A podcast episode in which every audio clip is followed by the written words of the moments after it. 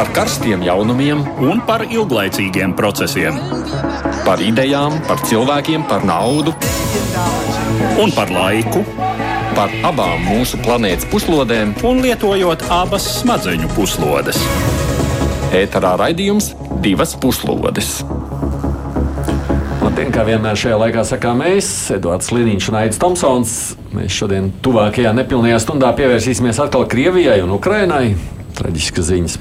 Šodien pienāk no Kijavas, kur helikoptera avārijā bojā ir gājusi nu, visa iekšlietu ministrijas vadība. Iemesli gan šobrīd nav zināmi, un neko vairāk arī mēs nevarēsim pateikt. Bet mēs gribam pievērsties nevis redzamajiem, bet drīzāk tādiem neredzamajiem politiskiem procesiem abās valstīs, jo nu, karā svarīgi ir arī tie. Publiskajā telpā maz ir runāts par to, kas notiek Ukrainas varas gaiteņos. Kā Kijevā tiek pieņemti lēmumi, cik vienota ir politiskā elite, vai tai ir arī opozīcija un kā tā izpaužas? Nu, līdzīgi jautājumi ir par Krieviju. Par to gan tiek runāts daudz biežāk. No vienas puses ir pārliecība, ka tā Putina uzbūvētā struktūra ir stabila un negrasās sabrukt. No otras puses, ik pa brīdim rodas jautājumi par vienu vai otru lēmumu vai izteikumiem, kas notiek Kremļa aizkulisēs. Un izvērtēt zināmos faktus mums palīdzēs Saimas Eiropas lietu komisijas priekšsēdētājs Rīgas Stradiņa Universitātes profesors Andris Sprūts. Labdien! Labdien! Bet mēs sāksim raidījumu ar vēl vienu tēmatu. Šveicē pēc pandēmijas nu, pirmo reizi tajā ierastajā laikā un veidā kopā ir sapulcējušies valstu vadītāji un biznesa elite, lai tiktos Davos ekonomiskajā fórumā. Latviju tur pārstāv valsts prezidents Egils Levits. Mēs ko varam sagaidīt no šīs tikšanās? Pirmdien Šveices kalnu kurortā Davosā tika atklāts gadskārtējais Pasaules ekonomikas fórums. Tas atgriezies pie ierastās kārtības un atkal notiek janvārī pēc tam, kad pandēmijas dēļ 2021. gadā tika atcelts, bet pagājušo gadu notika maijā. Tomēr arī pandēmijai atkāpjoties, Davos sniegoto virsotņu fonā vīd smagi globālo problēmu padebeši. Strauji augoša inflācija ir izraisījusi kredītprocentu likmi celšanos visā pasaulē, un tiek lēsts, ka apmēram trešdaļa valstu šogad piedzīvos ekonomikas lejupslīdi. Lielu optimismu nevieš arī fóruma diskusijas un uzstāšanās globālās sasilšanas sakarā. Ekspertiem joprojām brīdinot, ka mērķis noturēt sasilšanas rādītājus pusotra Celsija grāda robežās joprojām nesot īstenojams. Turpinās karš Ukrainā, un viens no tā pamanāmākajiem efektiem ir ierasto Krievu oligarhu iztrūkums formā. Viņiem, kā agresoru valsts pārstāvjiem, ceļš šurp ir slēgts. Aģentūra Bloomberg pārskatot dalību pieteikušo miljardieru sarakstus, secina, ka tajos nesot arī neviena ķīnieša. Ķīnai joprojām cīnoties ar pandēmiju.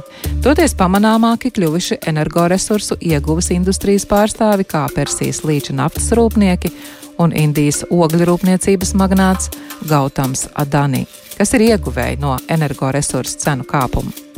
Davos fórums ierasti sāsina uzmanību uz planētas bagātāko ļaužu situāciju, salīdzinot ar pārējiem. Fóruma priekšvakarā Labdarības organizācija Savienība Oxfam publiskoja ziņojumu, kurā norāda, ka apmēram divas trešdaļas no pandēmijas gadu globālās bagātības pieauguma ieguvis 1% planētas bagātāko cilvēku, un ka pirmo reizi ceturdaļgadsimtā radikāla bagātības pieauguma ekonomiskās piramīdas mailē pavada strauji nabadzības kāpums tās lejasdaļā. Oksform ieskatā būtu nepieciešama globāla nodokļu sistēmas pārskatīšana un salāgošana, liekot bagātajiem maksāt krietni vairāk.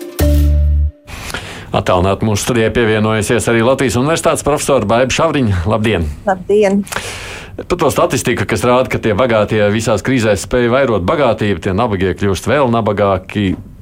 Tas tā utopiski nav vispār tur kaut ko cerēt, vispār mainīt, Šauriņš kundze. Nu, man šķiet, ka ir gan diezgan utopiski, jo šī tendence ir izkristalizējusies jau ļoti sen, un patiesībā tās jau ir vairākas desmitgades, ka šī tendence ir krietni vērojama.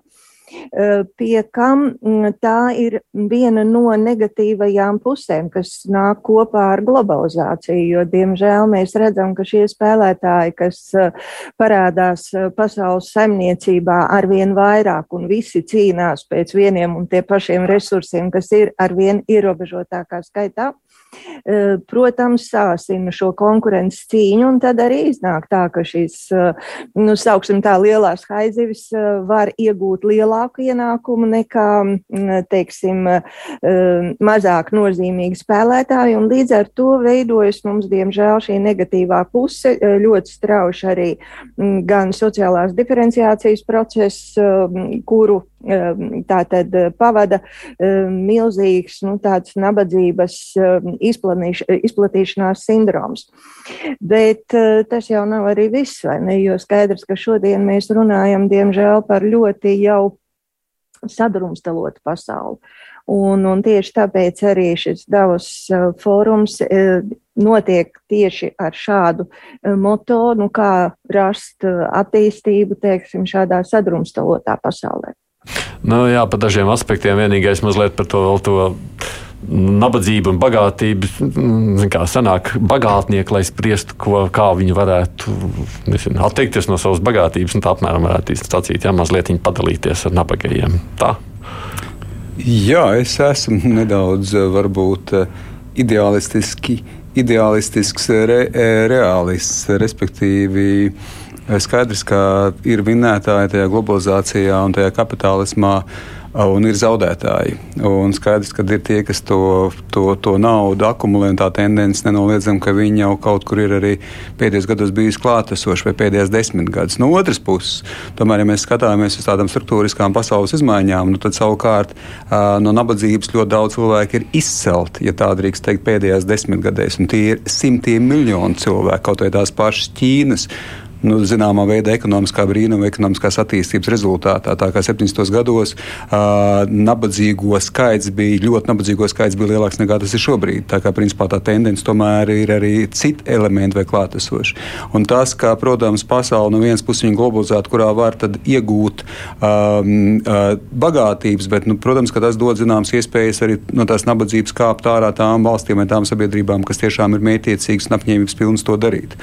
Un, ja runā par pašiem bagātniekiem, tad man šķiet, ka tomēr šeit ir. Nu, tas nav tik pilnīgi viennozīmīgi un vienkārši. Nu, kaut arī tas pats Bills Gates piemērs, viens no bagātākajiem pasaules cilvēkiem, bet nu, tur savu pusi, savas bagātības viņš tomēr tā kā atdod. Skaidrs, nu, te ir jautājums, vai tur nav nekāds intereses tā saistīts, kur tas tiek arī nodots, bet kopumā zināmā sociālā atbildība.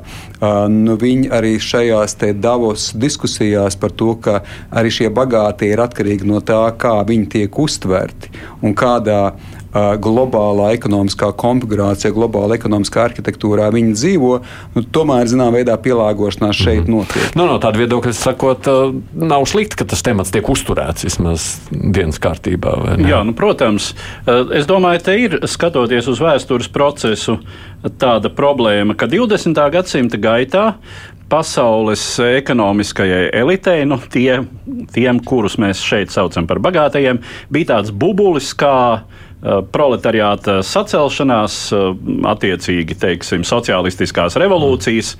Valstu nokrāsošanās sarkanā krāsā. Uh, un, tas lika, protams, nākt pretim strādnieku prasībām un veidot šo sociāli atbildīgo valsti, Eh, kur eh, nu, pirmkārt, protams, Eiropa šai ziņā ir ļoti tālu tikusi, tik tālu, ka pagājušā gadsimta otrajā pusē jau runāja par to, ka nu, īstais sociālisms tā ir Skandināvija, tā ir Vācija, tās vispār ir pārējās attīstītās Eiropas valstis, nevis šis kazārmu sociālisms, kas tobrīd pastāvēja Padomju Savienībā, tā skaitā pie mums.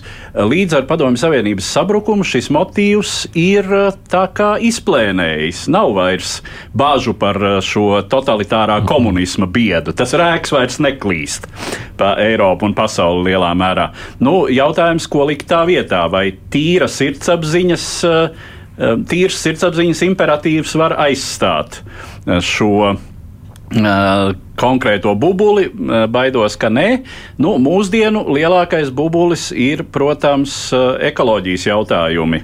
Tā tad mm klimata pārmaiņas, globālā sasilšana, nu, kas ir tāds motīvs, kas liek tā izskaitā ierobežot teiksim, eh, ne, eh, neapvaldītu patēriņu, tā tad arī neapvaldītu peļņas gūšanu. Tas, ko sacīja Edvards Šavriņš kas īstenībā šobrīd, nu, ja mēs tā skatāmies tādā perspektīvā, pašlaik nu, vairāk liekas, liek raizēties? Tas, kas notiek šajā globālajā klimata sasilšanas jomā, vai tomēr tas karš, kas, kur, kur seks mēs te jūtam šobrīd? Jā, es druscītiņās vēl gribu papildināt to, ko Liniņa kungs teica, ja, jo šeit man šķiet ir drusku jāpiemina arī šis tiešām tas vēsturiskais konteksts, kā nāca tās idejas par pārdali un tam līdzīgi, vai ne, jo tā bija tā saucamā labklājības valsts ideja, ko radīja Artūrs Sesils Figū, ļoti interesanta ideja, ka cilvēkam ir jābūt laimīgam, apmierinātam, ja apmierinātības sajūta rodas tad, ja mēs apmierinām savas vajadzības, bet apmierināt visas vajadzības var ar naudas palīdzību. Un kurš jūtas laimīgāks, ja saņem, teiksim, ilgi kāroto, vai tas, kurš ir bagāts, vai tas, kurš ir nabaks, nu, protams, ka tas, kurš ir nabaks. Un, un tāpēc tā ideja bija tāda, ka ir tāpēc jāpārdala par labu mazāk nodrošinātajiem sabiedrības slāņiem, jo tā mēs vairosim laimi sabiedrībā. Un, un šī ideja bija tā, kas tad arī no 20. Mm, gadsimta sākuma arī tika attīstīta.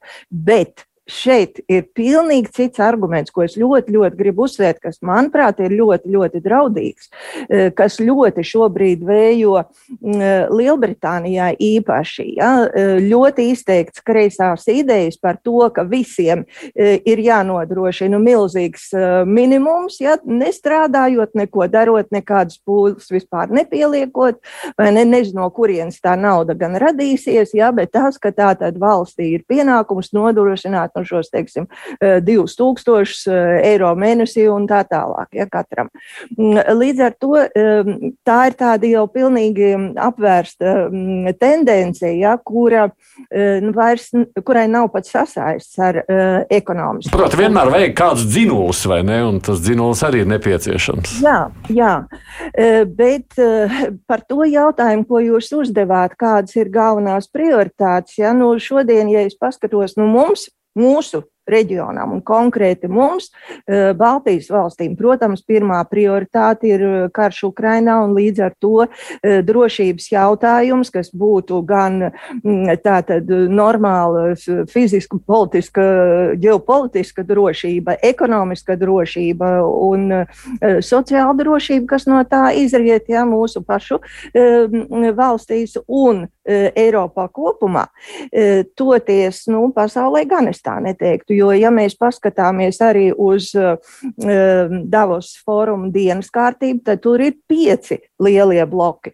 Un pirmajā vietā nu, parādās mums uh, enerģētiskā un, un pārtiks krīze un, uh, un kā to savietot ar ekonomisko izaugsmi kas ir tīri ekonomiski. Bet tā ir saistīta ar karu, bet tā ir saistīta ar karu. Nē, nē, nē, nē, nē. tagad tālāk tur mums aiziet jautājumi par inflāciju, par um, ekonomiskajiem uh, parādiem un saistībām.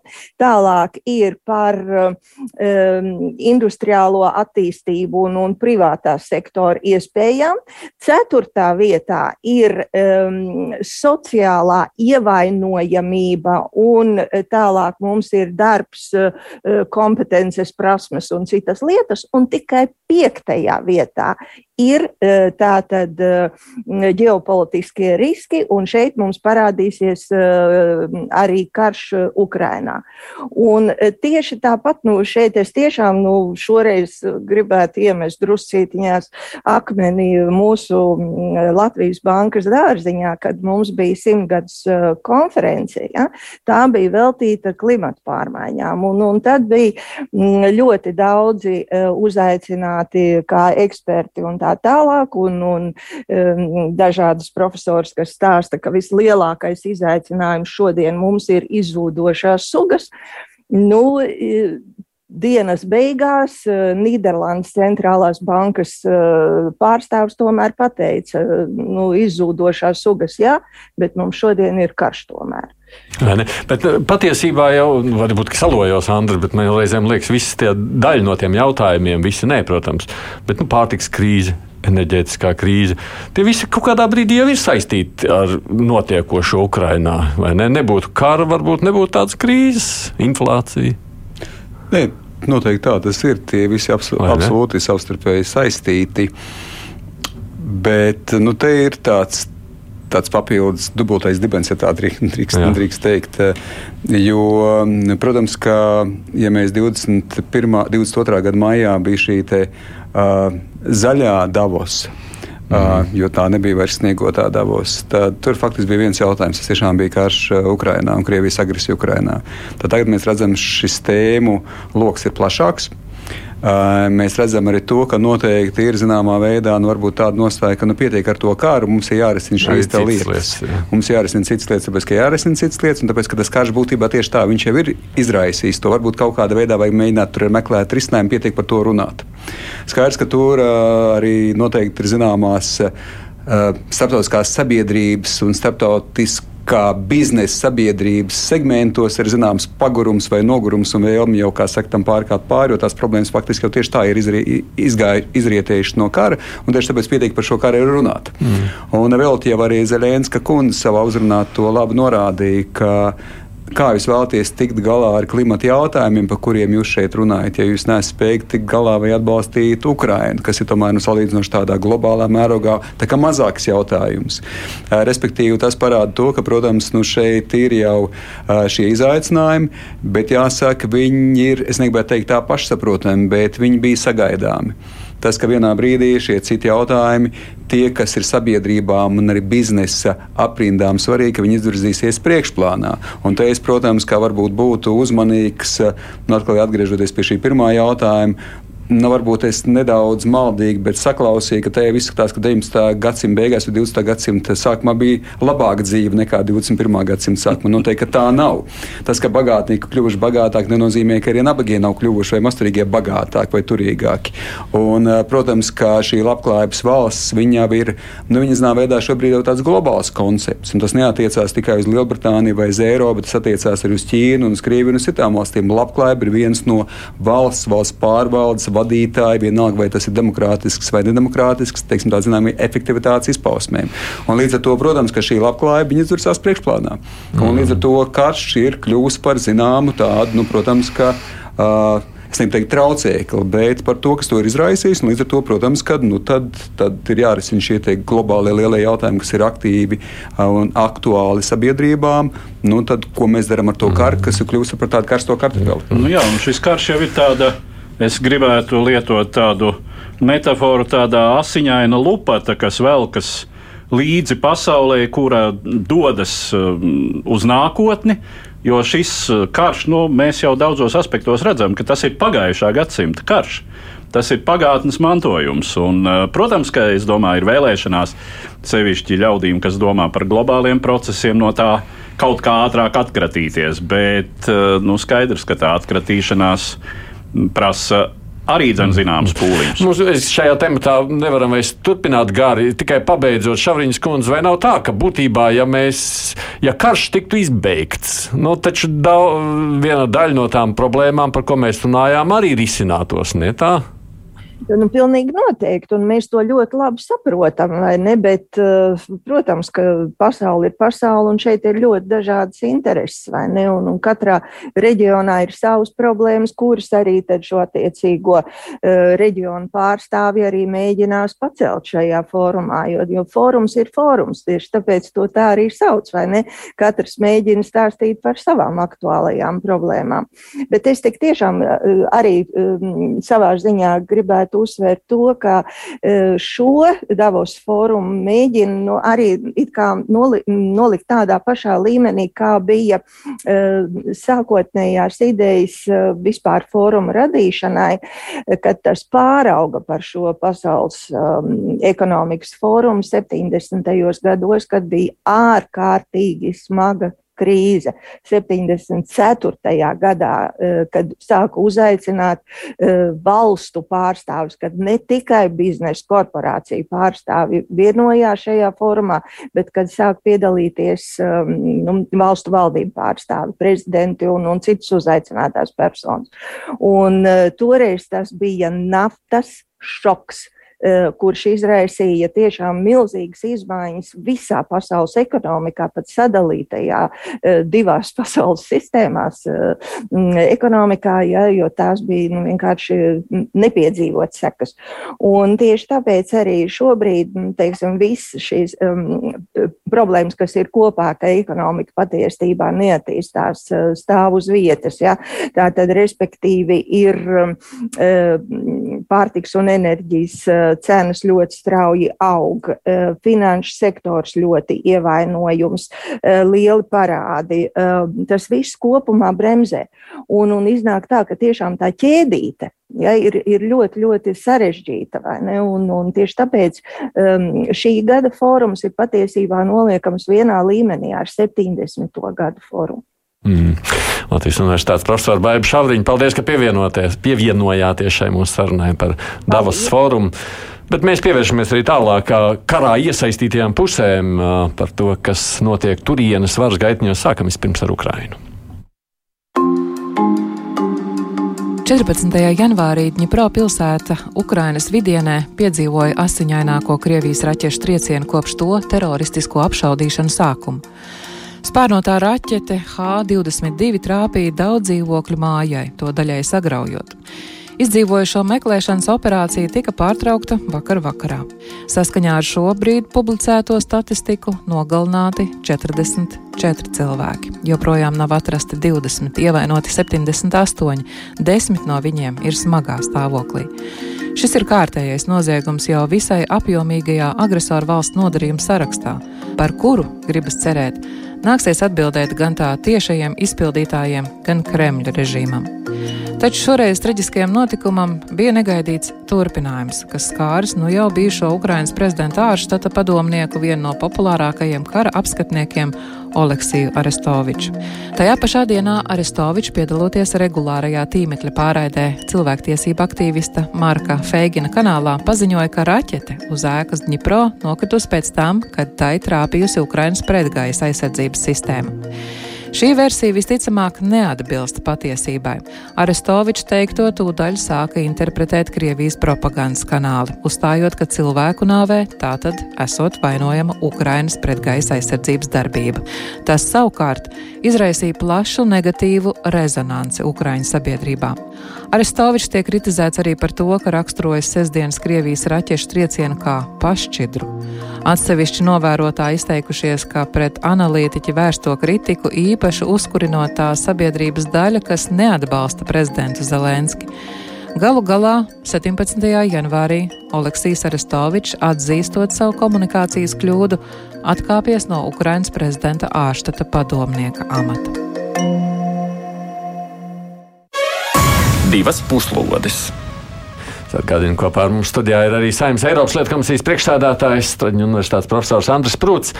Nu, pēc tam, kad Aristovičs paziņoja par savu atkāpšanos, tur tajos sociālos tīklos bija ļoti pretēji komentāri. Tur netrūka bāžu, ka nesaskaņas Ukrainā kara laikā nav lāga rādītājs. Edvards, ir tā, ka tajās Ukraiņas politiskajās aizkulisēs tiešām parādās tāda lielāka rīvēšanās?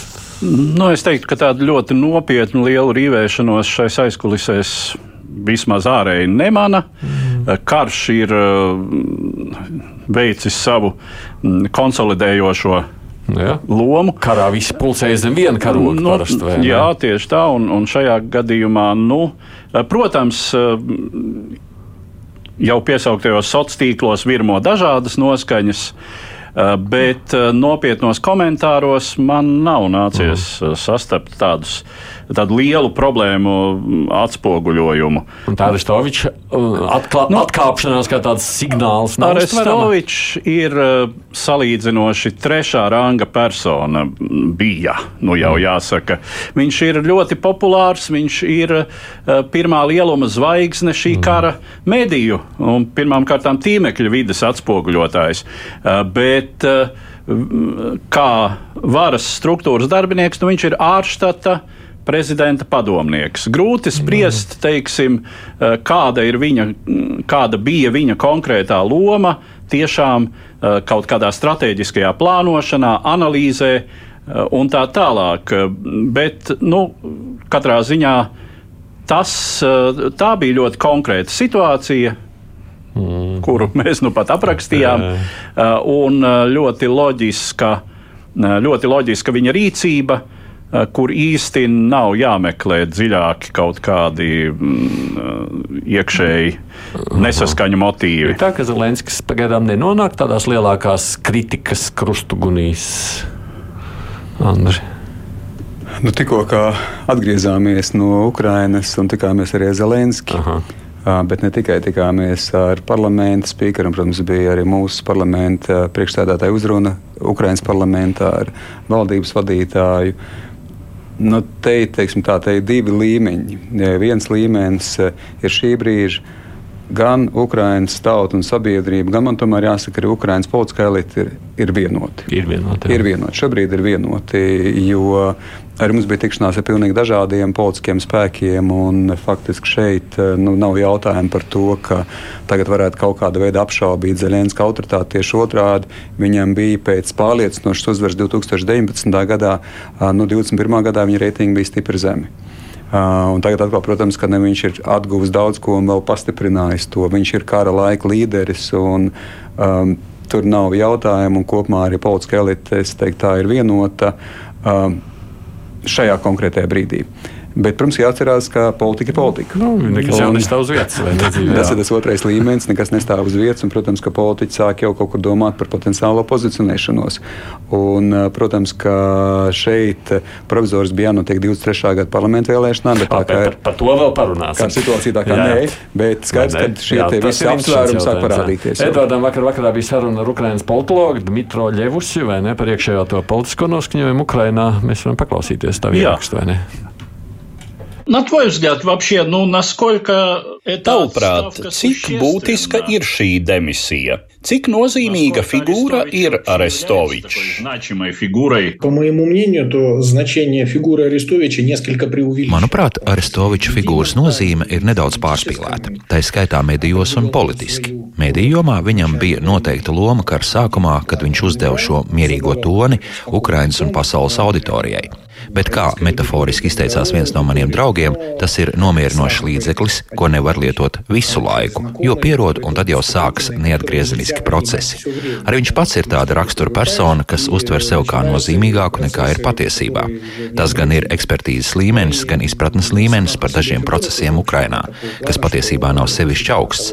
Es nedomāju, ka šī atkāpšanās no amata kaut ko īpaši ietekmēs. Pie mums figurē dažādas prognozes par to, ka šis varētu būt Arestoviča pastāvīgās politiskās karjeras sākums, bet šodien notiekošā lielā kara apstākļos runāt par par politisku karjeru, tā skaitā par kādiem plāniem nākamajām vēlēšanām, tas ir drusku pāragri. Pie tam tas attiecas ne tikai uz Aristoviču. Mēs patiesībā nezinām, cik ilgi ilgs karš, kādi būs zaudējumi, kā tas viss risināsies Войны, независимо от того, каким образом они гибнут. Protams, ka visu kara upuru pirmcēlonis, neatkarīgi no tā, kādi ir bojājējas apstākļi, ir Krievijas agresija. Tomēr kara apstākļos ir zināmi noteikumi, kuriem ir jāsako, pie tam jāsako pilnīgi visiem. Pastāv zināma kompetence, un ja ar informāciju vēl nav nākusi klajā attiecīgā institūcija, tad nav ko tur līst ar saviem komentāriem. Un vēl te ir ētisks jautājums par empātiju. Izteikties, ka apšauda ir tāda pašķidra, laikā, kad vēl nav atraktas drupas grupas, un zem tām ir dzīvi cilvēki, uz to sabiedrības reakcija, tās spiediens bija absolūti pareizs šai konkrētajā gadījumā. Cik adekvāti ir notikušajā saskatīt opozīciju Ukrainas sabiedrībā prezidentam Zelenskim? Jo, cik saprotu, tad kritizēšanā sevišķi aktīvi iesaistījās tās aprindas, kuras jau tradicionāli kritizē Zelenski un viņa komandu команду. команду. Я бы тут не стал проводить такую прямую взаимосвязь. Да? Es te neiezīmētu tādu tiešu saistību. Šī kritika jau notiek pastāvīgi, bet popularitātes ziņā neviena līdzīga Zelenskim šobrīd nav. Manuprāt, nekā tieši notikušais Zelenski neietekmēs skaidri zinām iemeslu dēļ. Pirmkārt, viņš tiešām ir ļoti populārs. Otrakārt, ir kara situācija. Viņš ir virspavēlnieks un objektīvi ir īpašā statusā. Un treškārt, tieši viņš nodrošina komunikāciju ar ārzemēm un dara to ļoti efektīvi.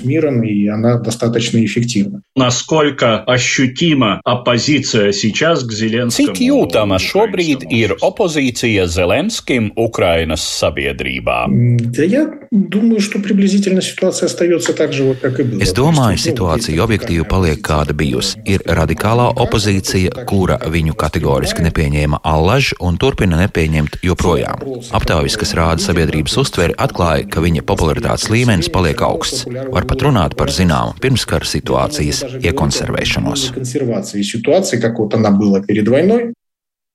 Nu, tā politologs Dmitro Ļevušs, bet kas ir noticis ar Porošenko? Porošenko ir, es teiktu, tā tomēr kopumā politikā atpakaļ. Un tas varbūt arī parāda, lai cik tas paradoxāli nebūtu, kā ar apstākļos zinām Ukrainas politikas normalizāciju. Ko es ar to domāju? 21. gadā Porošenko atgriežoties no ārzemēm, tika apsūdzēts faktiski valsts nodevībā. Aha. Un viņam draudēja cietumsots. Pēc tam, kad Porošenko ļoti aktīvi arī arī ar saka, atpazīstamības un publicitātes palīdzību sev pozicionēja kā tiešām Ukraiņas patriots. Es domāju, ka arī parādot kā prezidents, un šeit arī nevar to noliegt, ka viņš ar Krieviju bija ļoti teiksim, tādās sliktās attiecībās, esot kā prezidents. Uh, respektīvi, protams, ka šobrīd kara apstākļos viņš ir kļuvis par otro un ir otrais populārākais politiķis.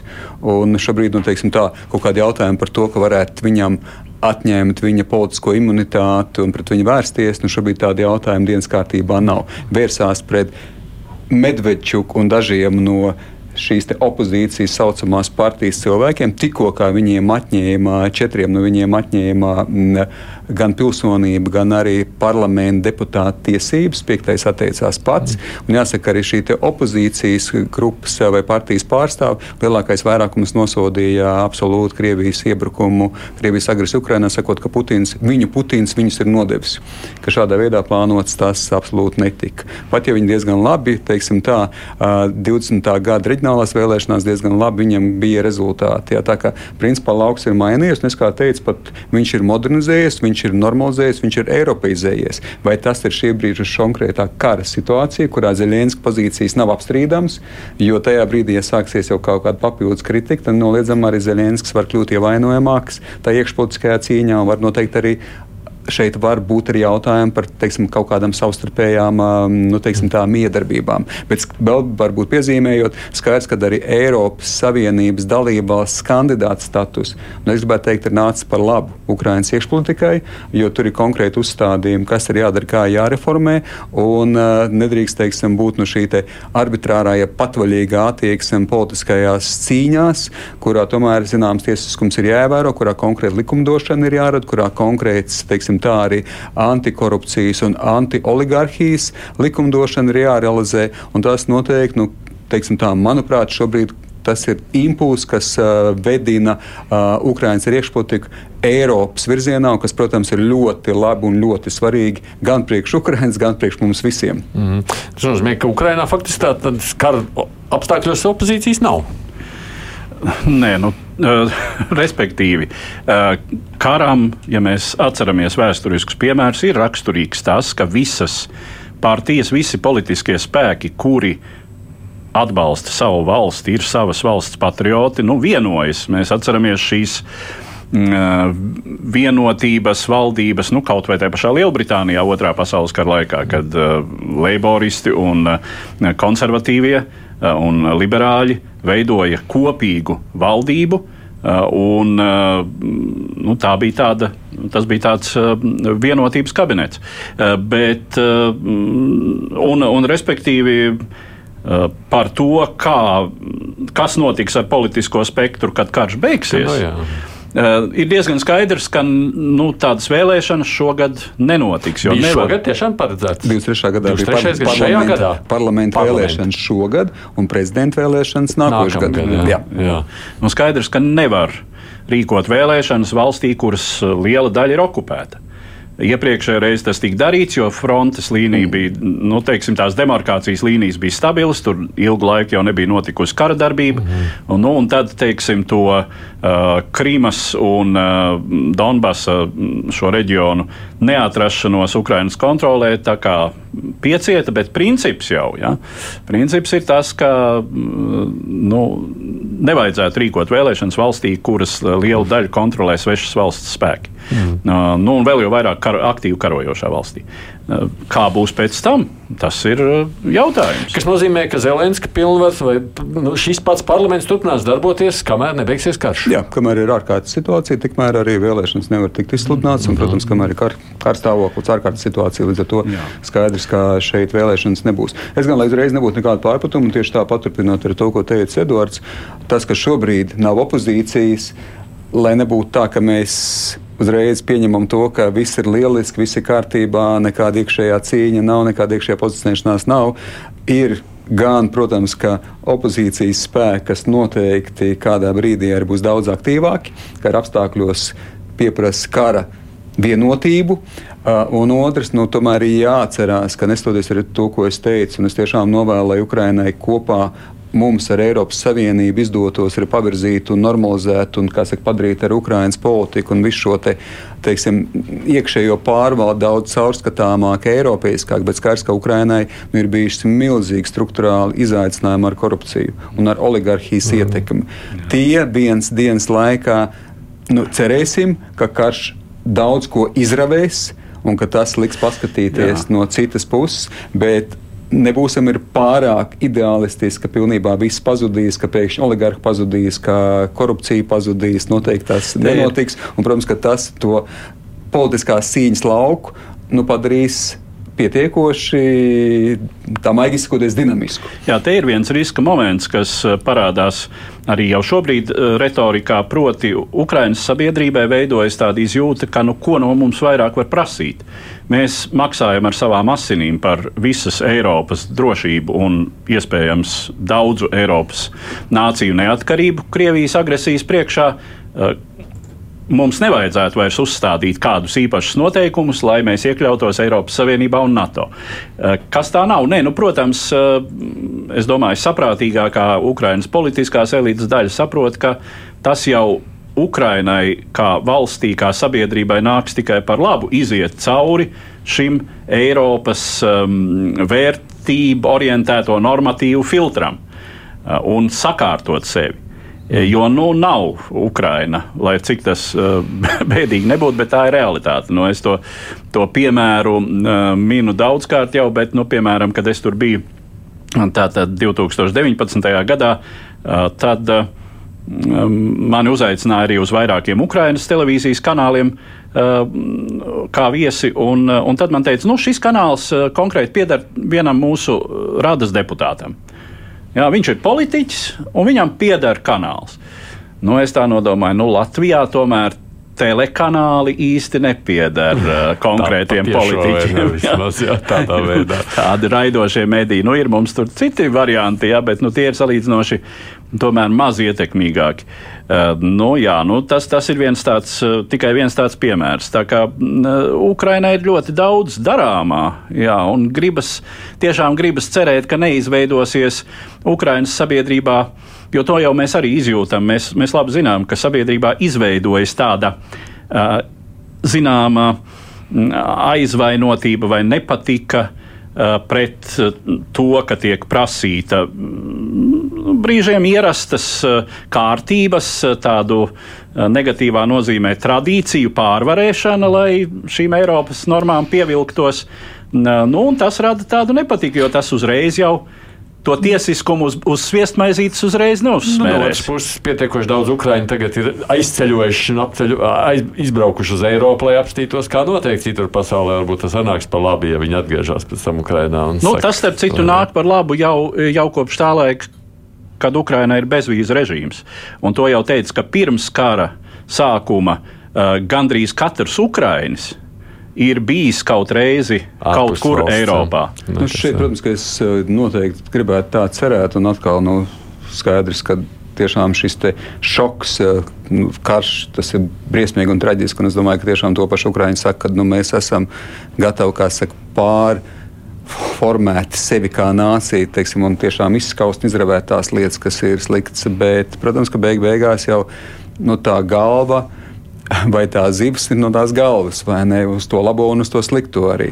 Un, protams, ka lielā mērā ir tās labās lietas, no tās pat ja sabiedrībai noteikti ir ietekme, tomēr vispirms tas ir politiskās elites jautājums par to, kā šo valsti veidot. Un, kā jau teicu, ja politiskās elites veidošanā ļoti ilgstoši klāt ir bijušas nu, maigi izsakoties biznesa intereses vai spēcīgi, bagātīgi oligarhi, naudas mājas, nu tad, te, protams, ir zināma izaicinājuma, ne, jo katrs nenoliedzami nu, vēlēsies ir zināmā veidā to savu potenciālo teiksim, tā pīrāga daļa arī pretendēt. Jā, bet pozitīvais moments, protams, ir tas, ka ir līdzās Krievijas piemērs, jā, kur tās jā, Ukrainas problēmas, kas, kas Ukrainā ir lielas, Krievijā tās ir visaptverošas un Šī valsts ir uzbūvēta lielā mērā kā viena milzīga kleptokrātiska oligarhiska struktūra.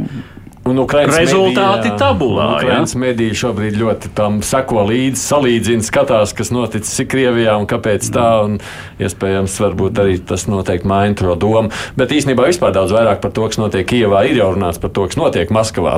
Paši Ukraiņi par to runā, bet ne jau tikai Ukraiņi vien.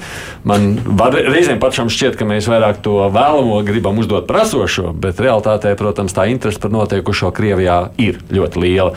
Ko mēs varam zināt par noskaņojumu tur? Pēdējos mēnešos niknākās cīņas Ukrainā norisinās pie Bahmutas pilsētas, kuru izmisīgi mēģina ieņemt Krievijas karaspēks. Trieciena spēka loma tajās līdz šim tika ierādīta Vāgnera privātās militārās kompānijas spēkiem, kuri pamatā sastāv no ieslodzījuma vietās iesauktiem notiesātajiem.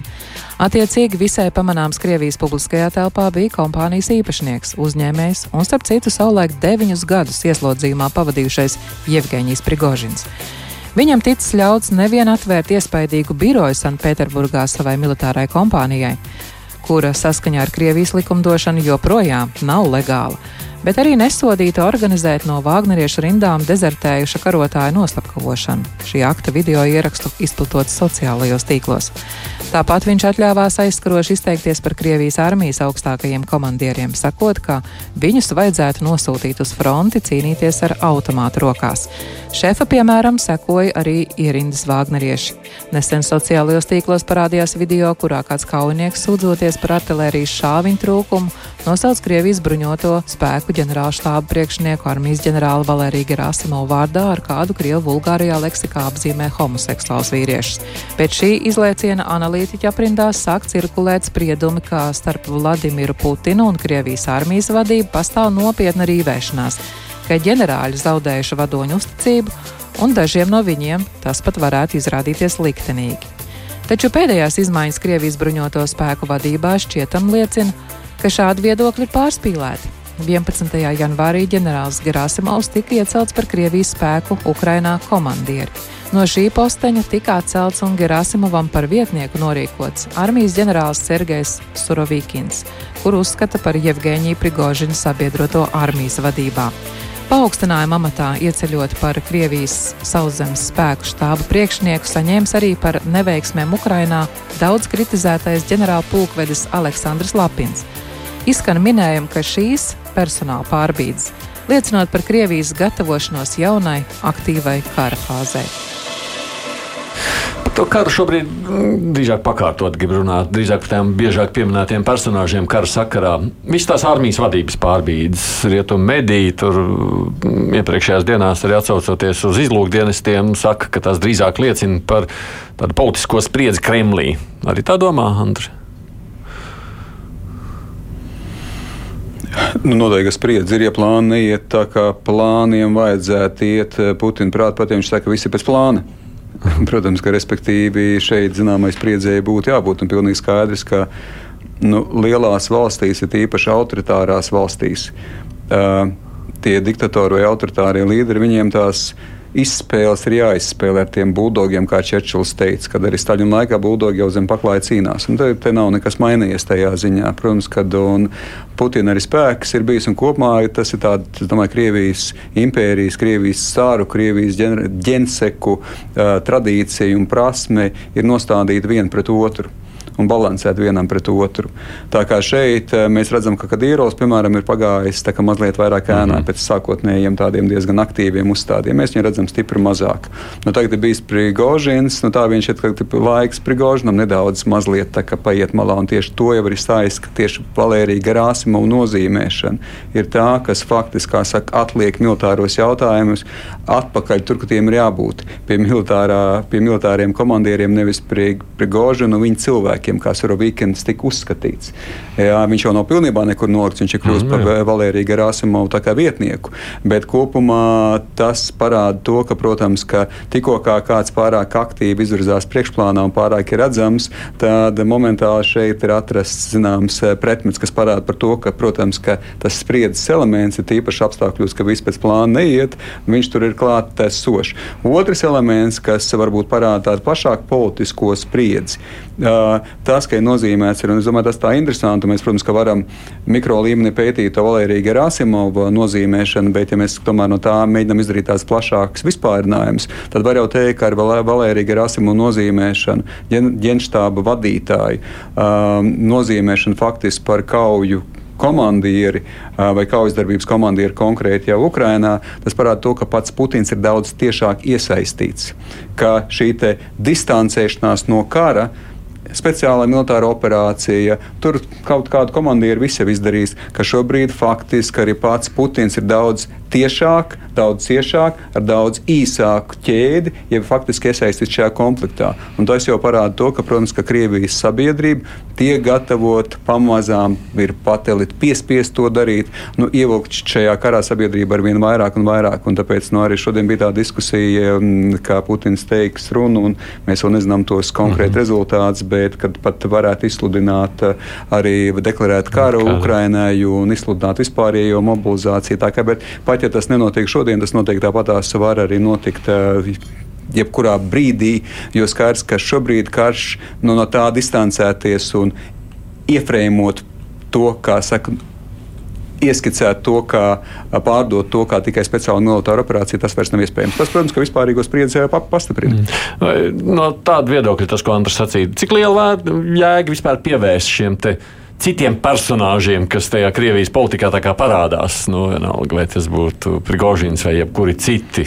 Nu, protams, tam ir ļoti liela jēga un tas ir uzmanības vērts, jo nu, pirmkārt Putins tīri fiziski nav mūžīgs. Un neizbēgami ir jādomā, kas būs pēc Putina. Tas ir viens. Otrs, kā zināms, Ukraina ir deklarējusi, un līdz šim nav no šīs savas deklarācijas atkāpusies, kā ar Vladimiru Putinu tā nesarunāsies.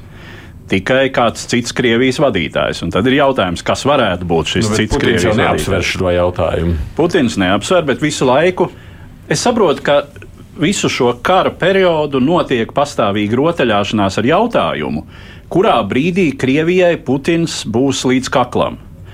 Kurā brīdī pie bunkura durvīm pieklauvēs un teiks, Vova, kopies no šejienes.